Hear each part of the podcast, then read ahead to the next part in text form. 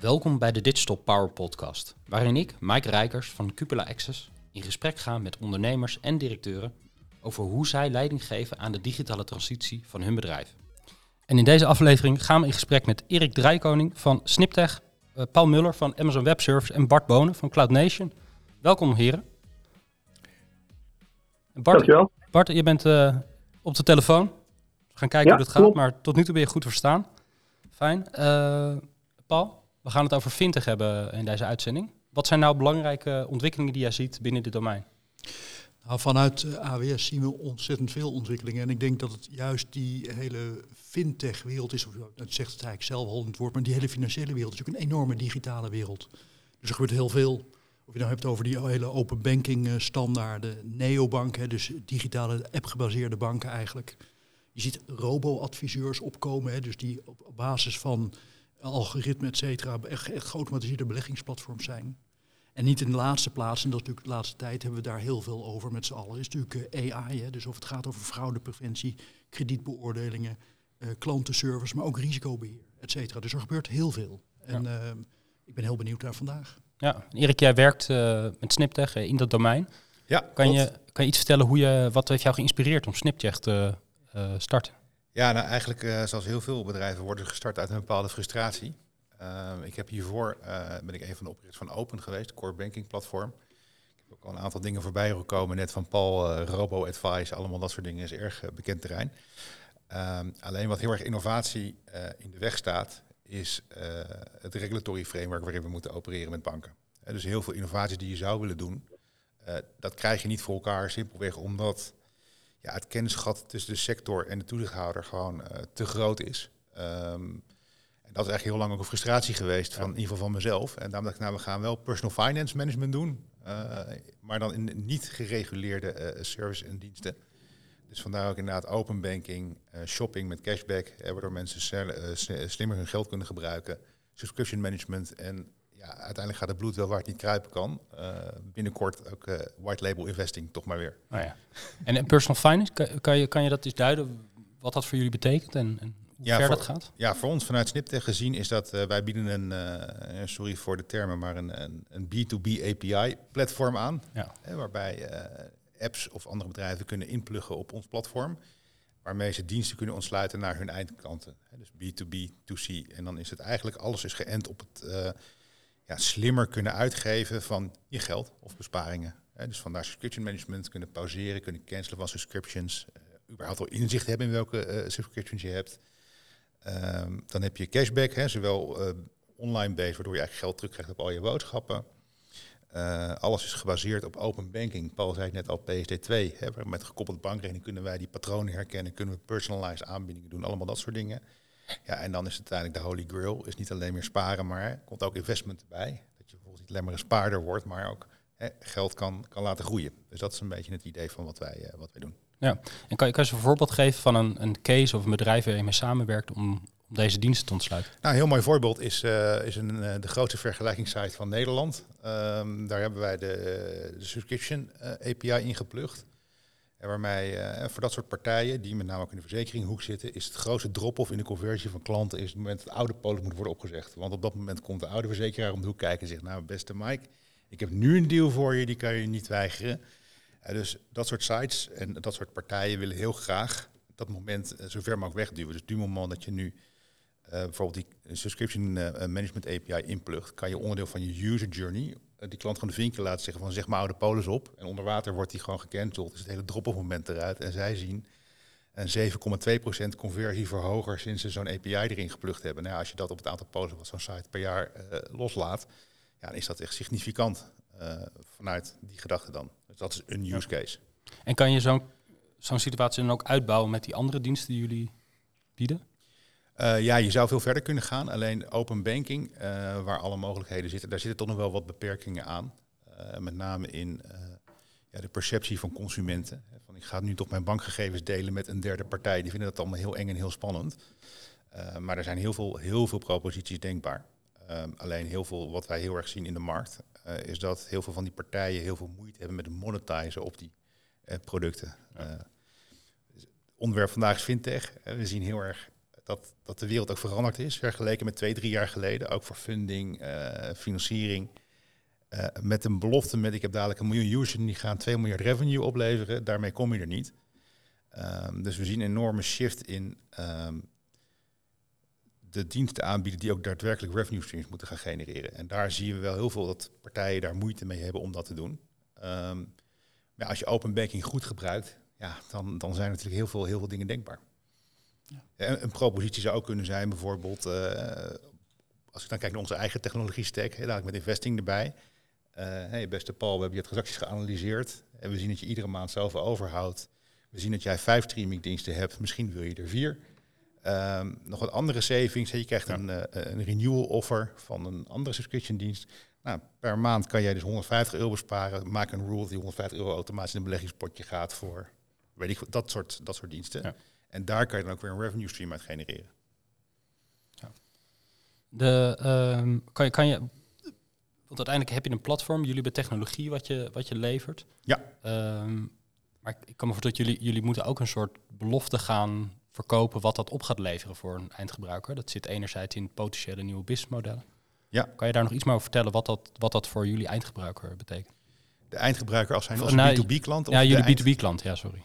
Ja, eigenlijk zijn er gewoon echt twee, twee hele simpele dingen. En dat, daarom ook net de context de wereld veranderd is. Aan de meest fantastische proposities bouwen waar, uh, waar niemand op zit te wachten. Heel veel heel lomp gezegd. Die tijdsverbij is ofwel het moet een enorme kostzeving zijn. Of het moet een retentieverhoging zijn. Want uiteindelijk is een klant binnenhouden of een klant eh, loyaliteit omhoog gaan... is per definitie goedkoper dan, uh, dan een klant acquireren. En zo simpel ja. is het.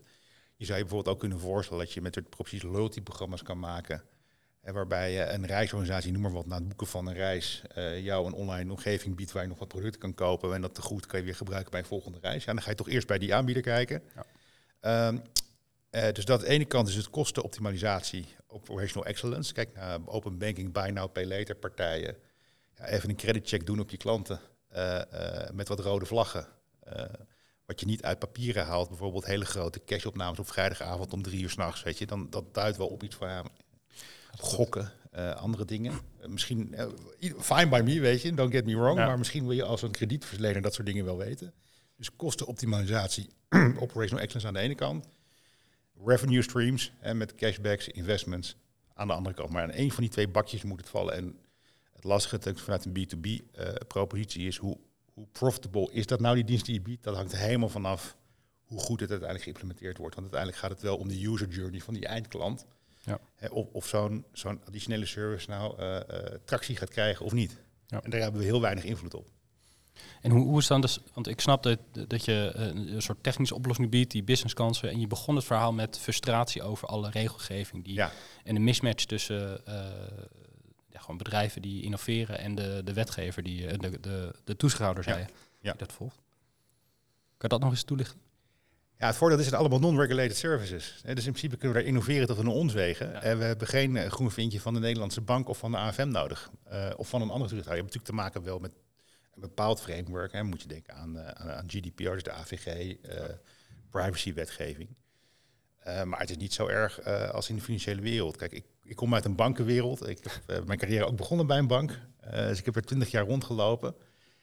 Ja, het probleem met innovatie in die wereld is heel simpel als je kijkt naar de gemiddelde financiële instelling uh, in Noordwest-Europa, wordt van alle IT-resources 70% gaat gewoon op in de roadmap aan regulatory compliance. Nou, dan leef je al ja. in het jaar ergens in september. Um, nou, dan lopen dat projecten lopen uit, vallen tegen. Dat is ook part of life uh, in IT-land. Nou, dan hou je misschien een maandje, zes weken nog over om te innoveren.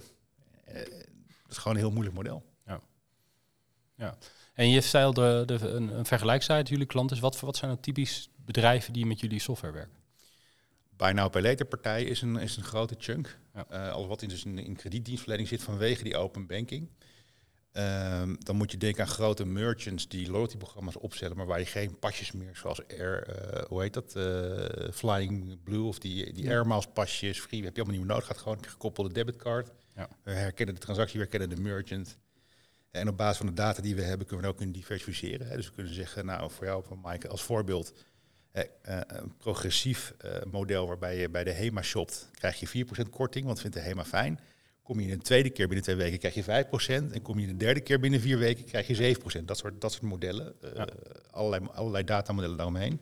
Dus dat is een typische klantengroep. Um, en de derde grote klantengroep, dat, is hem, uh, ja, dat zijn met name PFM-apps. Er zijn natuurlijk ontzettend veel van op open banking. Uh, even een getalletje om even de context weer te geven. Er zijn ongeveer 330 miljoen Europeanen uh, die on average twee bankrekeningen hebben. En het aantal actieve PSD2-koppelingen nu is 5 miljoen. Uh, als je dat vergelijkt, procentueel vergeleken met Amerika, waar natuurlijk geen PSD2, maar hè, je bankrekening kunnen koppelen, daar zit dat percentage schommelt rond de 7, 8 procent. Zal die markt nog enorm gaan groeien. Maar al die PFM-apps, je hebt het ook gezien aan Jolt bijvoorbeeld, het krijgt geen tractie om de simpele reden dat consumenten zijn op een gegeven moment niet meer geïnteresseerd, want ze zijn ofwel gefrustreerd omdat ze niet in staat zijn hun, uh, hun uitgaafpatroon toch aan te kunnen passen. Dus ze denken, nou, het is wat het is na een paar maanden, laat maar. En tegelijkertijd zijn die partijen niet in staat om er een, een businessmodel omheen te bouwen. En dat gaat komen met die diensten die wij kunnen leveren. Ja, maar dat zijn allemaal apps die personal finance management Dat zijn er heel veel. Ja. Dat zijn er heel veel. En is het dan zo dat je ook uh, zeg maar een soort van return on investment, of het nou gaat over meer omzet of het gaat over een reductie, een betere customer journey en een reductie in kosten, kun je ook een soort van ROI uitrekenen voor je klanten? Ja, again, dat is heel lastig, want we hebben uh, ook de tweede grootste vergelijkingsheid van Nederland als klant. Um, en daar liggen die percentages uh, compleet anders, omdat ja. daar de implementatie gewoon heel uh, ja, minder user-friendly is. Daar is minder goed over nagedacht. Dus het is, het is heel moeilijk om dat aan te geven. Ik snap dat vanuit hosting, cloud partij is vrij simpel, want je weet gewoon wat kost het nu. Wat zou het bij ons ja. kosten om zo'n omgeving te runnen? Ja, dan is het heel, heel, heel tastbaar. Heel tastbaar. Alleen dit heeft te maken met er zijn natuurlijk heel veel factoren omheen. Hoe efficiënt implementeer je, et cetera? Hoe schaal je dit? Uh, maar dit is gewoon echt user-driven, user journey driven. Dus dat is heel moeilijk te zeggen. Maar je zou wel kunnen zeggen on average. Ja, nee, ik durf er eigenlijk geen uitspraak over te doen. Nee, okay. heel, heel moeilijk. Ja.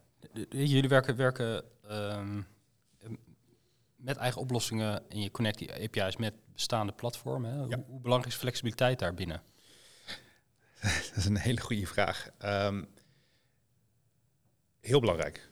Um, alleen het is een, een thin line vanuit een B2B dienstverlening. Dus heb je je, je expose je API's, hè, waarmee mm -hmm. je zegt, nou, dan kan je allerlei mooie user journeys bouwen. Ja. Alleen je hebt er wel een bepaalde gedachte bij uh, als je dat ontwikkelt. Hè. Je moet het wel op een bepaalde manier implementeren uh, uh, dat het allemaal goed werkt.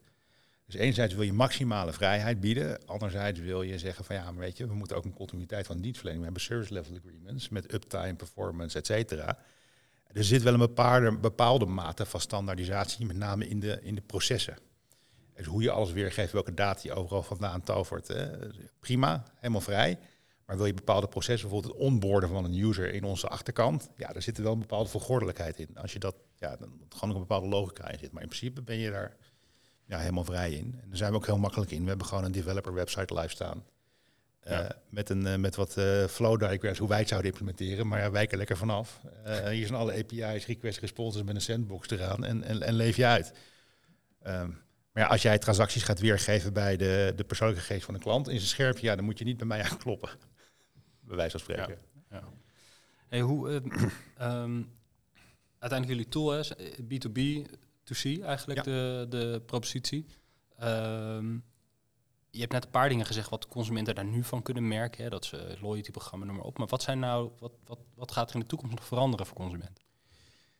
Nou, weet je wat het grappige is? En dat is ook waarom we eigenlijk ook richting bijvoorbeeld investments en, en misschien toch ook weer banking gaan opschuiven. Is, ik weet niet. Ik weet niet waar het naartoe gaat. En ja. iedereen die zegt dat hij het weet, um, dan wil ik graag zijn glazen bol of haar glazen bol. Ja. Ik weet alleen wel dat er een aantal constanten zijn. Ik weet wel dat er in fintech, laten we, want het onderwerp vandaag is fintech. Ik weet wel zeker dat heel weinig fintechs in staat zullen zijn om een bankvergunning aan te vragen. En om simpelweg, het begint al met 7 miljoen wat je op tafel moet leggen als garantiekapitaal, je Pillar One Capital. Dan moet je hele organisatie eromheen opbouwen. Dat kost je op zijn minst ook zeker een miljoen per jaar als het heel lean. Ik weet zeker dat al die fintechs dat allemaal niet kunnen gaan doen, of het grootste gedeelte niet. Ik weet alleen wel dat al die fintechs diensten ontwikkelen, um, waarbij er geld gegenereerd wordt, waar geld doorheen gaat. En dat geld dat moet gewoon ergens staan. En dat moet ofwel in een spaarrekening, of in een betaalrekening, of in een investmentrekening. Dus ik kijk altijd meer. Um, volgens mij was dat zelfs uh, Jeff Bezos die dat ooit zei. Van je moet niet kijken naar waar je denkt dat de wereld naartoe gaat. Je moet kijken wat er, wat je denkt wat er niet gaat veranderen. Um, en ik denk dat dat niet gaat veranderen. Dus ik, ik heb geen echte visie op waar het naartoe gaat. Ja. Ik weet alleen wel dat alles wat met fintech te maken heeft, met geld te maken heeft, ergens moet landen. Het komt ergens te staan. Het komt ergens te staan. En ik weet ook zeker dat heel veel fintechs uh, niet de resources hebben om zelf een bankvergunning aan te gaan vragen. Als je hem al krijgt überhaupt. Uh, ik weet dat in Litouwen hebben ze nu, uh, want natuurlijk een, een bankvergunning Walhalla was de afgelopen tien jaar.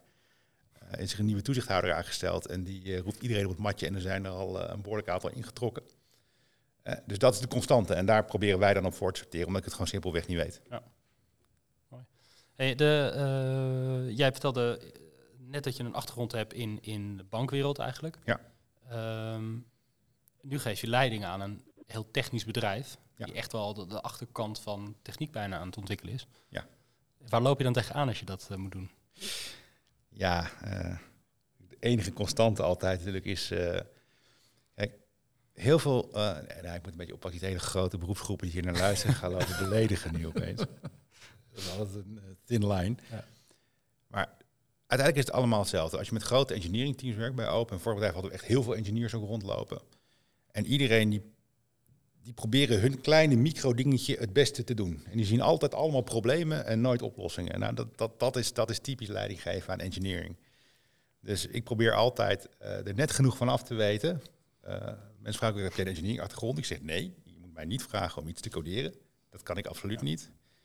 Maar ik weet er net precies genoeg van om te weten of mijn engineers me lopen te bullshit of niet. En dat is precies het niveau waar ik ook op wil zitten, zeg maar. Dus dat, dat verandert eigenlijk niet. Het gaat mij meer om IT-strategy. Van hè, wat ga je bijvoorbeeld wel bouwen zelf? Wat ga je niet zelf doen? Met dat, dat soort belangrijke keuzes. Ja, um, ja en heel, heel, eerlijk gezegd, ja, we hebben naar een engineering managers rondlopen die dan het day-to-day -day, uh, tech leads die dat inhoudelijk moeten aansturen. En ook ja, soms support vanuit leveranciers. Um, maar ik hou me niet bezig wat dat betreft echt met de, met de technische details. Meer van, oké, dit gaan we wel doen, dit moeten we niet doen. En dat, dat was bij ons vorige bedrijf net zo. En is dat dan de uitdaging om een soort, soort uh, beetje innovatiecultuur binnen, binnen het bedrijf te houden, zeg maar?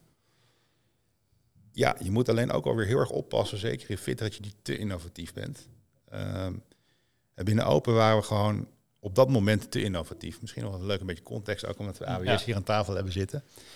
Is dat uh, toen wij startten in 2009, hebben we op een gegeven moment besloten, toen kwam cloud kwam net op. Iedereen dacht cloud, dat is Gmail. Uh, veel meer wist men er niet van. Uh, wij waren al vrij snel in contact gekomen met, met AWS, want wij zagen dat dat de toekomst was op dat moment. Um, dus wij hebben toen ons hele banking engine eigenlijk al cloud native gebouwd. Het was toen alleen nog maar EC2 instances en, uh, ja. en, en, databases, maar heel veel meer was het toen nog niet. Ook in contact gekomen met Werner Vogels onder andere, ja. de CTO van, van AWS. En wij zijn toen in staat geweest met Open om de eerste productieopgave van een bank wereldwijd in de cloud te launchen.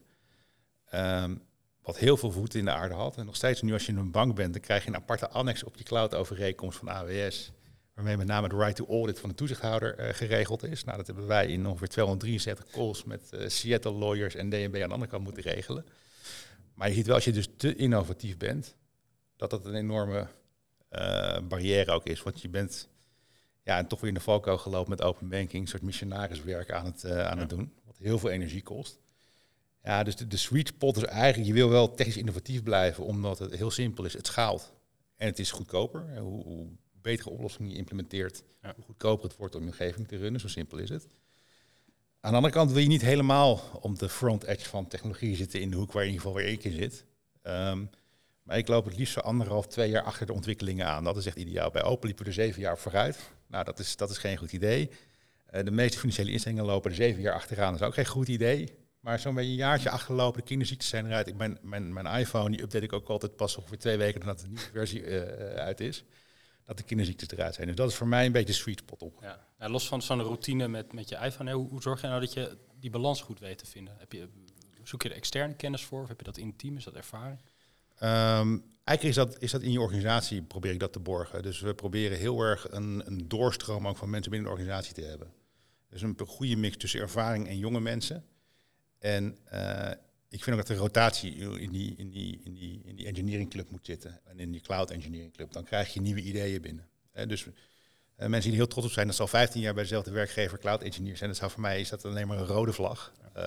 ook voor de organisatie.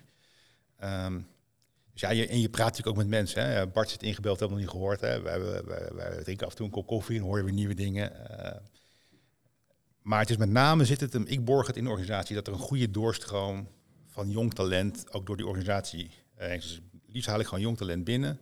Blijft een jaar of vijf, groeit, uh, groeit binnen de organisatie door. Dus de eerste begint ook alweer af te zwaaien en dan vul je van onder weer aan. Die, en ik probeer ook altijd te kijken van mensen die bij innovatieve vanda bedrijven vandaan komen.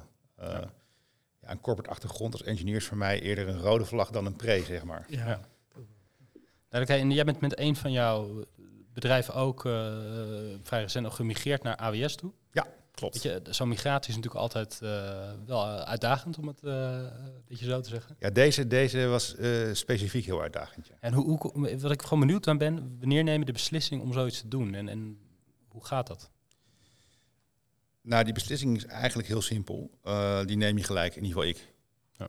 In zoverre dat ik, ik geloof niet in ouderwetse uh, racks met servers. En dat had je toen de tijd? Dat hadden we, dat hadden we toen. Um, weliswaar niet on-premise bij het bedrijf zelf, maar bij een, een datacenter in, in de UK. Uh, maar daar hadden we echt dedicated racks. Kreeg ook een, een, invoice iedere maand waarop de servers gewoon afgeschreven worden met de serienummers en alles, alles erop. Um, en dan loop je eigenlijk tegen twee problemen aan. Eén is, het schaalt niet.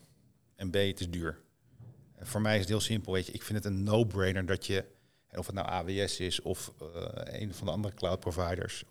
Het is voor mij een no-brainer om daar te draaien. Waarom zou je ja. dat allemaal zelf moeten gaan doen met het onderhoud en alles? Het, het ja. klopt gewoon niet. En Bart met het Cloud Nation heeft daarmee ja. geholpen. Klopt toch Bart? Ja, dat klopt. Ja. En uh, ik, ik onderschrijf wel wat Erik zegt, dat deze een heel specifieke uitdaging was. Uh, nou, zonder al te ver in de details uh, in, te, in te duiken. Wij waren in ieder geval blij dat wij een goede kennis aan de kant van Erik hadden, die heel veel van de applicatie, hè, inhoudelijk de kennis hadden. Um, en wij hebben de cloudkennis, uh, zeg maar, dus de setup en de migratie ehm, helemaal gefaciliteerd. Ja, Bart, kan je iets, iets uitleggen welke. Wat kom je nou tegen als je bij een klant zo'n migratie faciliteert? Welke, welke obstakels moet je over en hoe regel je dat met elkaar? Ja, wauw. Dat is dat um, in zijn algemeenheid uh, varieert dat een beetje van onze klanten hebben nul cloudkennis. Hè? Dus daar begin je eigenlijk met. Je moet nog helemaal gaan vertellen wat de mogelijkheden zijn en wat de benefits zijn. En ze willen het wel, maar ze weten het eigenlijk niet. Dat was gelukkig hier niet het geval. Um, tot aan, zeg maar, de applicatie moet helemaal herbouwd worden. En we hebben geen idee waar we moeten beginnen. Ja. Um, ja. Dus dat, ja, dat ligt echt wel heel ver uit elkaar. Hè? Dus er zit best nog wel wat evangelistenwerk soms in. Uh, in dit geval uh, was ik heel blij dat Erik een supergoed team had. We hebben die mensen gewoon echt bij elkaar gezet. Uh, dus ook echt fysiek, hè? wat tegenwoordig wel remote is, wat ik nu ook kunnen doen ben. Um, maar wij vonden dat het echt heel goed werkte om die mensen gewoon fysiek in een kamer te zetten.